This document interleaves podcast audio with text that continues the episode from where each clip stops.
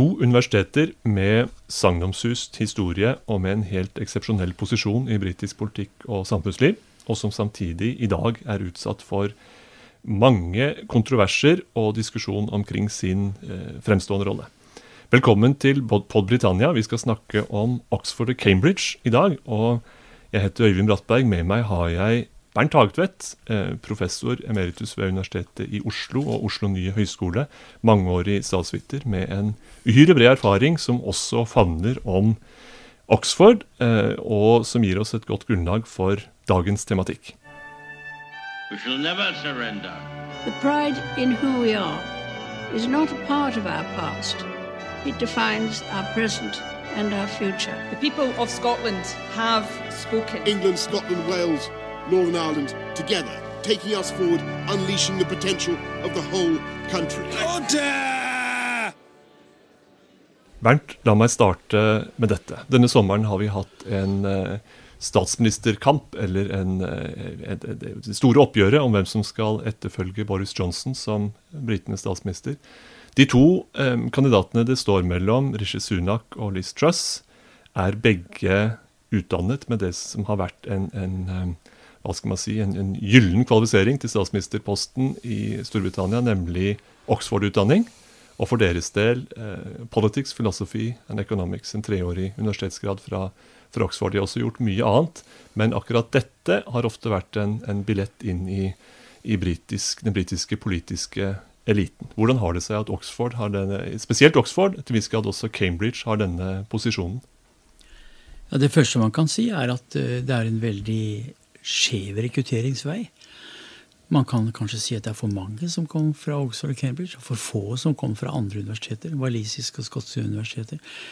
Nå vet man at det kommer en del derfra. Men i Oxford har man jo egne colleges. Uh, Gladstone kom der, Wilson kom der. altså En enorm rekke. Cameron kom derfra. En enorm rekke av statsministre som kom fra disse collegene. Jeg har også lest uh, sterkt kritiske artikler, særlig i New Statesman, om at uh, noe av misæren i britisk politikk kommer at alle har studert PPI. Philosophy of Politics and Economics. Det er for slapt og for overflatisk og for doktrinært. et av argumentene og for overflatisk Det kan ikke jeg mene noe særlig om. Vi bare konstaterer at den veien der er veldig vanlig.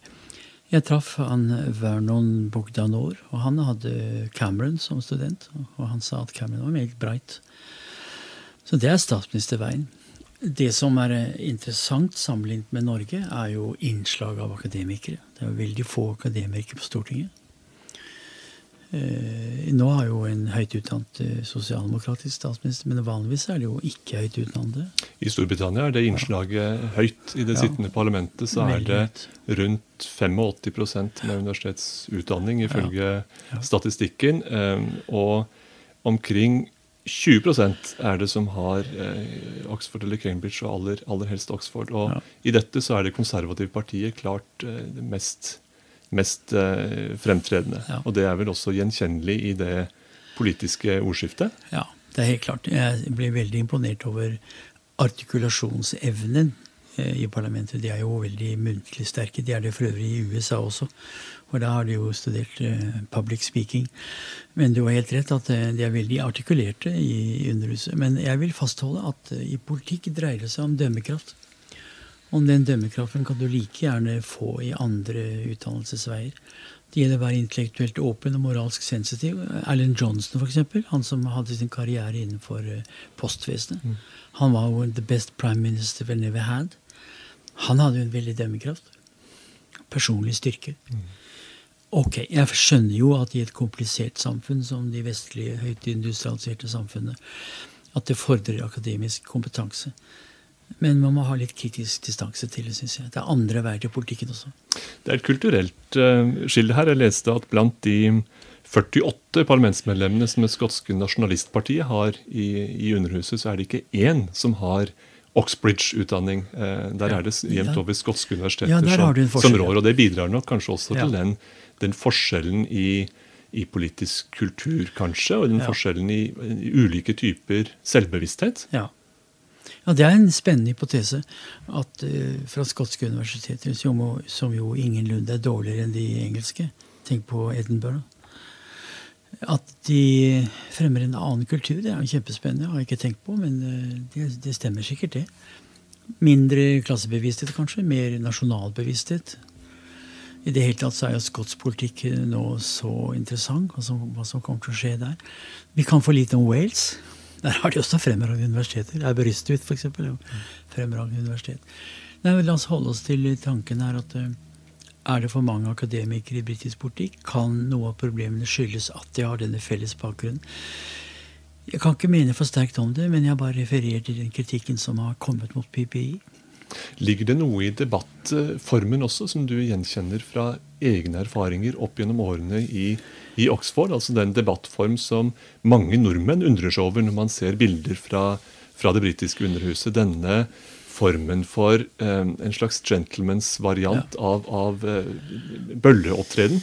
Som er svært konfronterende, svært barsk, til dels også maskulin, og samtidig følger sine egne spilleregler for hva som er eh, innenfor det tillatte. Dette kommer fra Oxford Union, studentsamfunnet i Oxford, som har hatt det i alle år. Jeg har vært til stede et par ganger. Det er morsomt. Og de er gode, men den er ganske konfronterende. Stilfull, men konfronterende. Vi som var i Studentersamfunnet før Emil-tiden, gjenkjente noe av det kanskje i Storgata. Men det er en helt annen kultur eh, i Norge. Eh, jeg må jo si at eh, man kan jo verdsette eh, artikulasjon, vidd, taleevne. Men, men, det må jo aldri skjule argumentkraften. Mm. Og noe av den bølleopptredenen syns jeg er bare uheldig, og iallfall for nordmenn minsker jo respekten for eh, parlamentet. Det ville vært utenkelig å ha noe lignende i Stortinget. For uten å være konfronterende, så er det på et vis også ekskluderende, kan man anta, hvis man ikke ja. selv er oppfostret ja. innenfor den eliten som har en, en, en, viss eh, det man kan snakke om som entitlement, altså en selvbevissthet knyttet til det å, å, styre. Ligger det også der noe i hva skal man si, skillene internt mellom britiske universiteter? At, at det er en, en liten krets eliteuniversiteter og at det først og fremst er der man henter de, de styrende krefter fra, eller typisk har hentet i øvre lag både i, i næringsliv og byråkrati og, ja, og, og politikken. Glem ikke Eton. Eton er vel så viktig som Oxford og Cambridge. Hvis du går et steg ja. tidligere inn i ja, livet i, gjennom privatskolene. Altså, I Norge er det ikke noe følelse av forpliktelse eller selvstendig rett til å gå inn i politikken om du har en grad på et norsk universitet. Helt forskjellig i det hele tatt. Mens eh, i Storbritannia er det sånn at det er en viss entitlement. Tar du PPI og får de rette kontakter, seire i debatter i union, så er det klart at det er, det er politiker du vil bli. Sikkert det samme også i, eh, i Cambridge. Men eh, hvor sunt er det? Vi kan sammenligne med andre land. Frankrike har man jo eh, Grand École. De fleste kommer jo fra ENA, administrasjonsskolen. Der har jo Macron svekket ENAs innflytelse. Eller det kommer fra de andre skolene. École superiør, Superieur, eller til og med naturvitenskapelige skoler.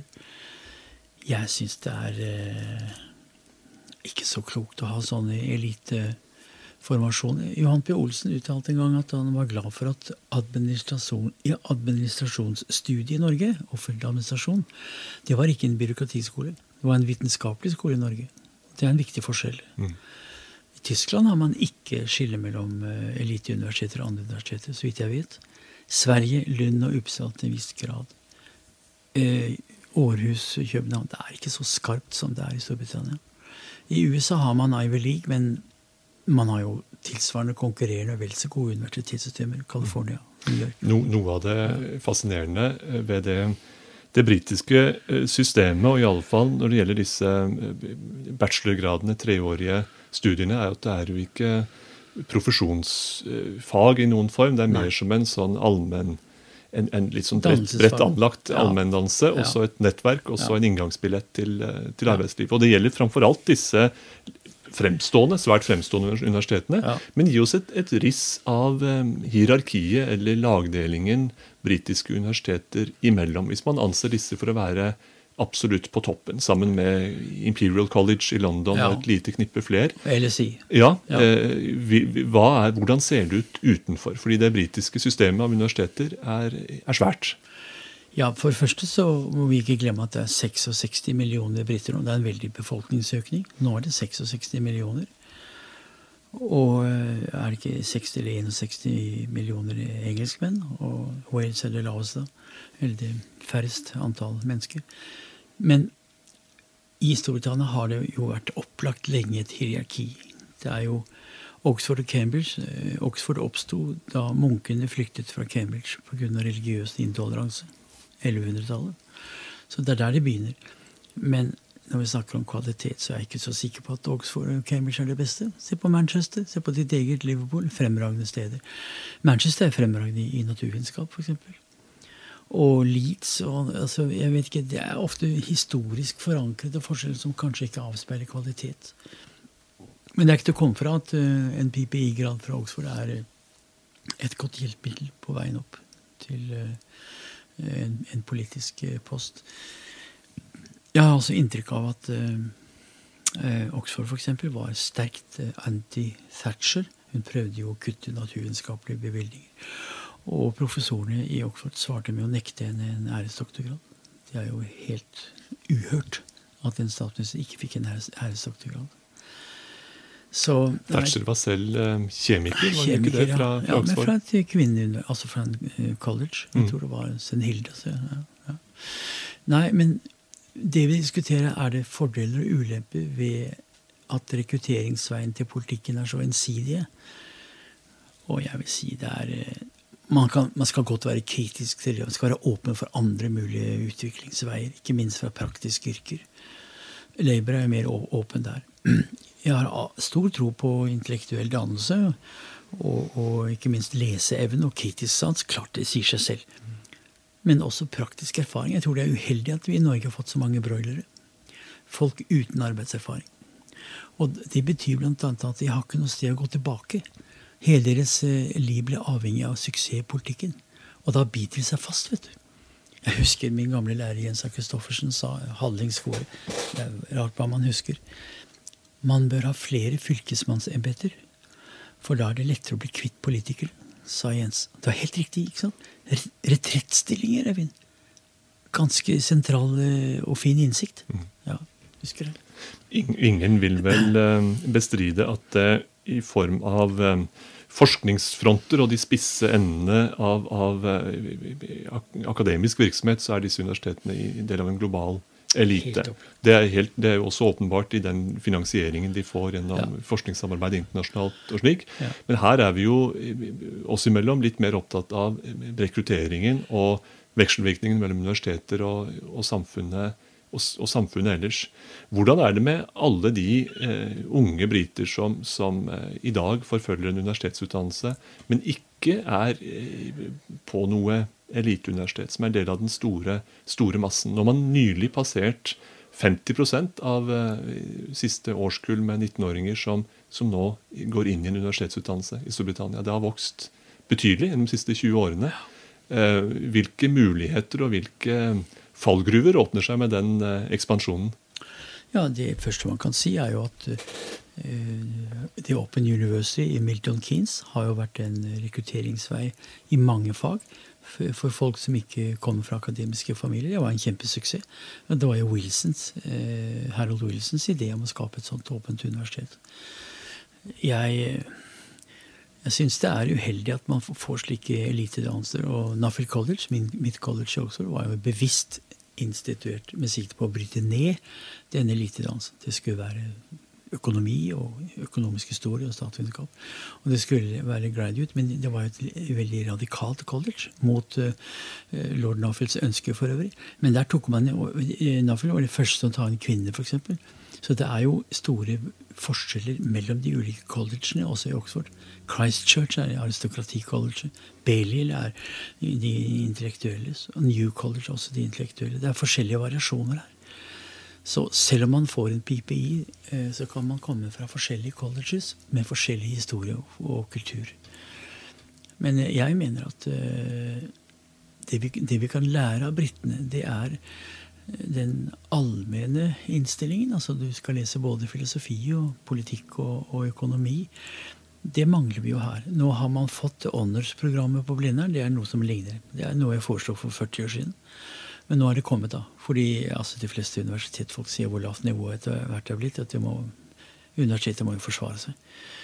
Men eh, du kan si det, at det er jo ikke lenger noe særlig kulturell kontakt mellom Norge og Storbritannia. Det er selvfølgelig mange nordmenn som går til LSI, men eh, det er rene norske klasser etter hvert. Hva er poenget da?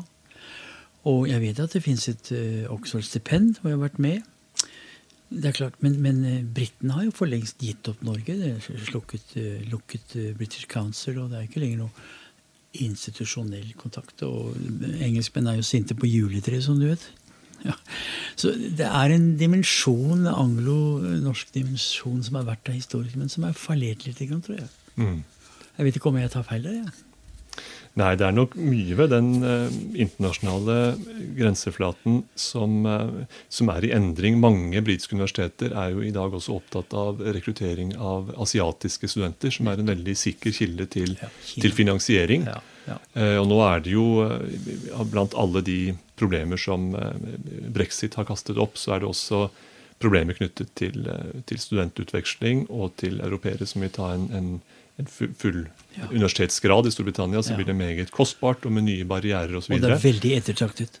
Absolutt. Ja. Eh, og det er et tydeligere globalt utsyn her også. og Det er iallfall politisk villet at det skal være sånn. Og det er en virkelig brytningstid for i hvilken forstand eh, britiske universiteter skal være internasjonale. Og det er vel betydelig færre nordmenn som er orientert mot, mot den britiske universitetsutdannelse i dag enn det har vært ja. uh, i, i, de siste, siste par generasjonene, kan man si, og lenger, lenger tilbake også. Ja.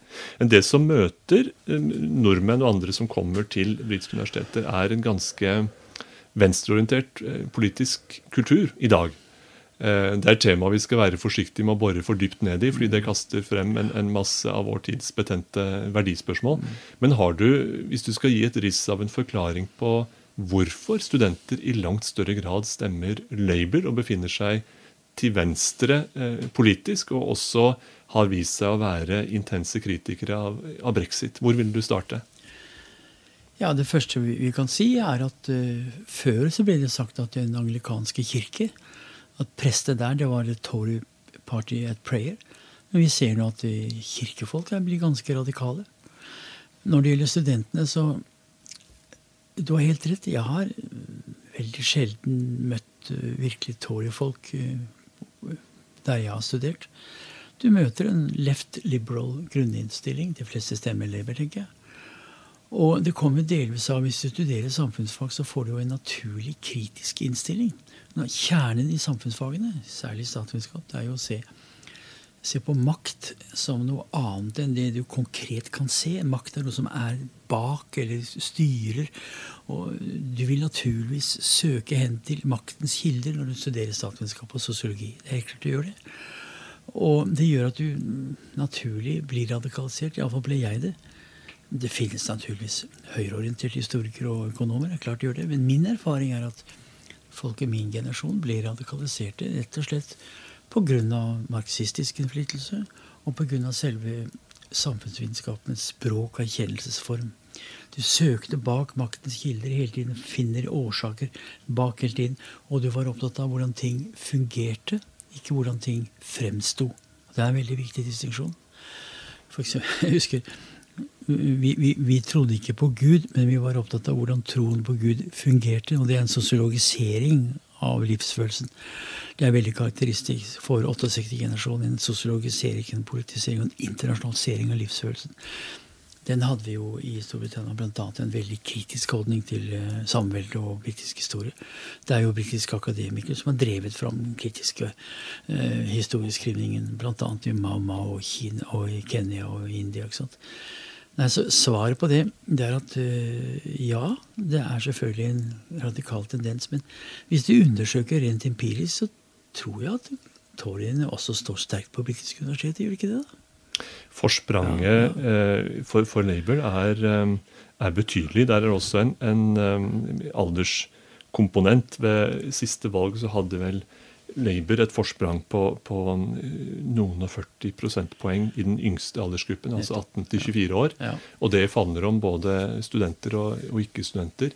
Men i, i, innenfor universitetene så, så er forspranget faktisk vel så, vel så stort. Ja. Noe av det som er pussig her, er også at eh, humanistiske fag og samfunnsvitenskapelige fag, som du her har skissert eh, betydningen av, de er jo veldig under, under press. Ja, veldig, veldig. Eh, den britiske regjeringen fremelsker mer eh, instrumentelle utdanninger, altså det som er anses som nyttig for Ja, næringslivet, tekniske tekniske, ja, fag, eh, ja. Mm. også naturvitenskapelige fag i stort. Men like forbannet så trekker studenter Ja. mot venstre i en forstand som man har vært vant til å se, Ja. kanskje spesielt blant samfunnsvitenskapelige studenter og de som studerer humanistiske fag. Så det må være noe ganske allment kulturelt med universitetsliv som skaper en søken mot Ja, enten en variant av sosial rettferdighet eller Det er vel rimelig eller... å si at de humanistiske og mange samfunnsvitenskapelige fag har en eksistensiell appell som kanskje naturfagene ikke har. På samme måten iallfall. Studerer antropologi, det går rett inn i din egen selvfølelse, selvfølgelig. For ikke å snakke om filosofi og historie. Jeg tror ungdom trekkes til slike fag for de gir en veldig mening. Veldig mening. Eh, ofte på bekostning av eh, oppfatninger av hva det kan føre til av, av jobber. Altså I Danmark har det jo vært en tendens at magister i filosofi har gjort glimrende i næringslivet. Og de kan jo tenke. Jeg tror man skal være veldig forsiktig med å, å tilpasse yrkesmulighetene til humanistiske fag. Eller altså Man skal ikke si at humanistiske eller samfunnsvitenskapelige fag fører til arbeidsløshet. Eller jeg vet at det er problemer med sosiologer og antropologer, men, men, men det avgjørende her er jo å ha a trained mind. Og Det er vel det som var hovedlinjen i Oxford. Du kunne studere klassiske språk, Eivind. Greats. Og få jobb i, i Finansdepartementet. Og da, da er vi jo litt Det er jo tenkning, ikke sant. Ja, da er vi litt tilbake ved, ved hvis, hvis vi løfter blikket litt fra det rent, altså den politiske kampen og politiske verdisettet osv., så, videre, så er det jo en, en veldig sterk tradisjon i, i Storbritannia for den begavede amatør- eller. Helt klart, ja. Hvor, en, hvor en, en dyktig person kan ha studert nettopp gammelgresk eller filosofi eller Ja. idéhistorie eller slaviske språk, og deretter rekrutteres til høyere stillinger i næringsliv og forvaltning, hvor man hvor, hvor man skoleres videre, men har en, er veldig godt utstyrt med, med kritisk sans og, og kapasitet til å, til å lese Wolf, og forstå. Leonard Wolff, mannen til Virginia Woolf, han sa du kan lese deg opp til hva som helst. Det gjorde jo han òg, vet du. Han ble jo en ledende ekspert på internasjonale organisasjoner. Foregrep eh, Folkeforbundet. Men er dette en utdanningsmodell som, som er funksjonell for det 21. århundre? Det å ha en, en, eh, en form for allmenndannelse og så ta sats inn og bli viktige bidragsytere til samfunnet? Jeg vil iallfall si at jeg vil forsvare allmenndannelsen veldig langt. Men ikke til forkleinelse for spesialistutdannelse. Men derfor mener jeg at eh, bortfallet av X-FIL er en katastrofe for et lite land som Norge. Det har jeg vært opptatt av i 50 år. Det er ingen som hører på meg. Så nå er X-FIL bare en, et regnskapskurs. Det er ikke noe mer. Eh, Og jeg mener at eh, allmenndannelsen For det, det innebærer at du har et, et sett av begreper, en verktøykasse av begreper, som du kan veksle mellom for å forstå. Paratkunnskap, kaller vi det. Jeg har alltid sagt til studenter det er ikke noe vei utenom. Du må pugge. Du må vite. Du må vite. Først da kan du si er det likheter mellom Matteo Salvinis høyre høyrereaksjonære regjering i Italia og Mussolini, eller hva er relasjonen mellom det og eh, Marine Le Pen? Du må kunne tenke og bruke begreper og få masse assosiasjoner fra en bred lesning. Gjør du ikke det, så er du som et barkebåt på opprørt hav. Du kan bli fanget med, og det er jo lett å rekruttere dem. og tenke. Noen vil si at dette er en fordekt elitisme. Ja, at det, det ja. som du her bejubler, det er noe som en, en liten krets kan forfølge, og der, deretter hegne om sine verv høyt og, oppe i og hver samfunnet. gang noen nevner elitisme, så trekker jeg min pistol. For det er en undervurdering av en såkalt vanlig student, hvis ikke den vanlige student også bringes inn i slike, slike tenketanker. Altfor mye av norsk universitet er gjenopplesning av sjekking om du har lest pensum. Hele norske universitetssystem bør orienteres mot interessante spørsmål. Da er min eh, avsluttende utfordring til, til deg, hvis en, en, en ung brite skal forfølge en slik idé, ikke via Oxford eller Cambridge, men, men via eh, Manchester, Leeds, University of Strathclyde, kanskje i, Glasgow. Ja, ja, det er, noe, det er noe så. Men hvis allmenndannelsen da er, er, det man søker mot gjennom utdanningen, og man så ender som saksbehandler i britisk trygdevesen eller er sosionom i Salford, Manchester, hvordan kommer denne typen utdanning til, til sin rett? Har den, har den livets rett? Du må aldri glemme at utdanning ikke bare har til hensikt å skaffe jobb, men også berike våre liv. Og hvis du har lest litteratur og filosofi, eller særlig kunsthistorie, så er det kilder til berikelse av eget liv, uansett om du blir saksbehandler i Salford.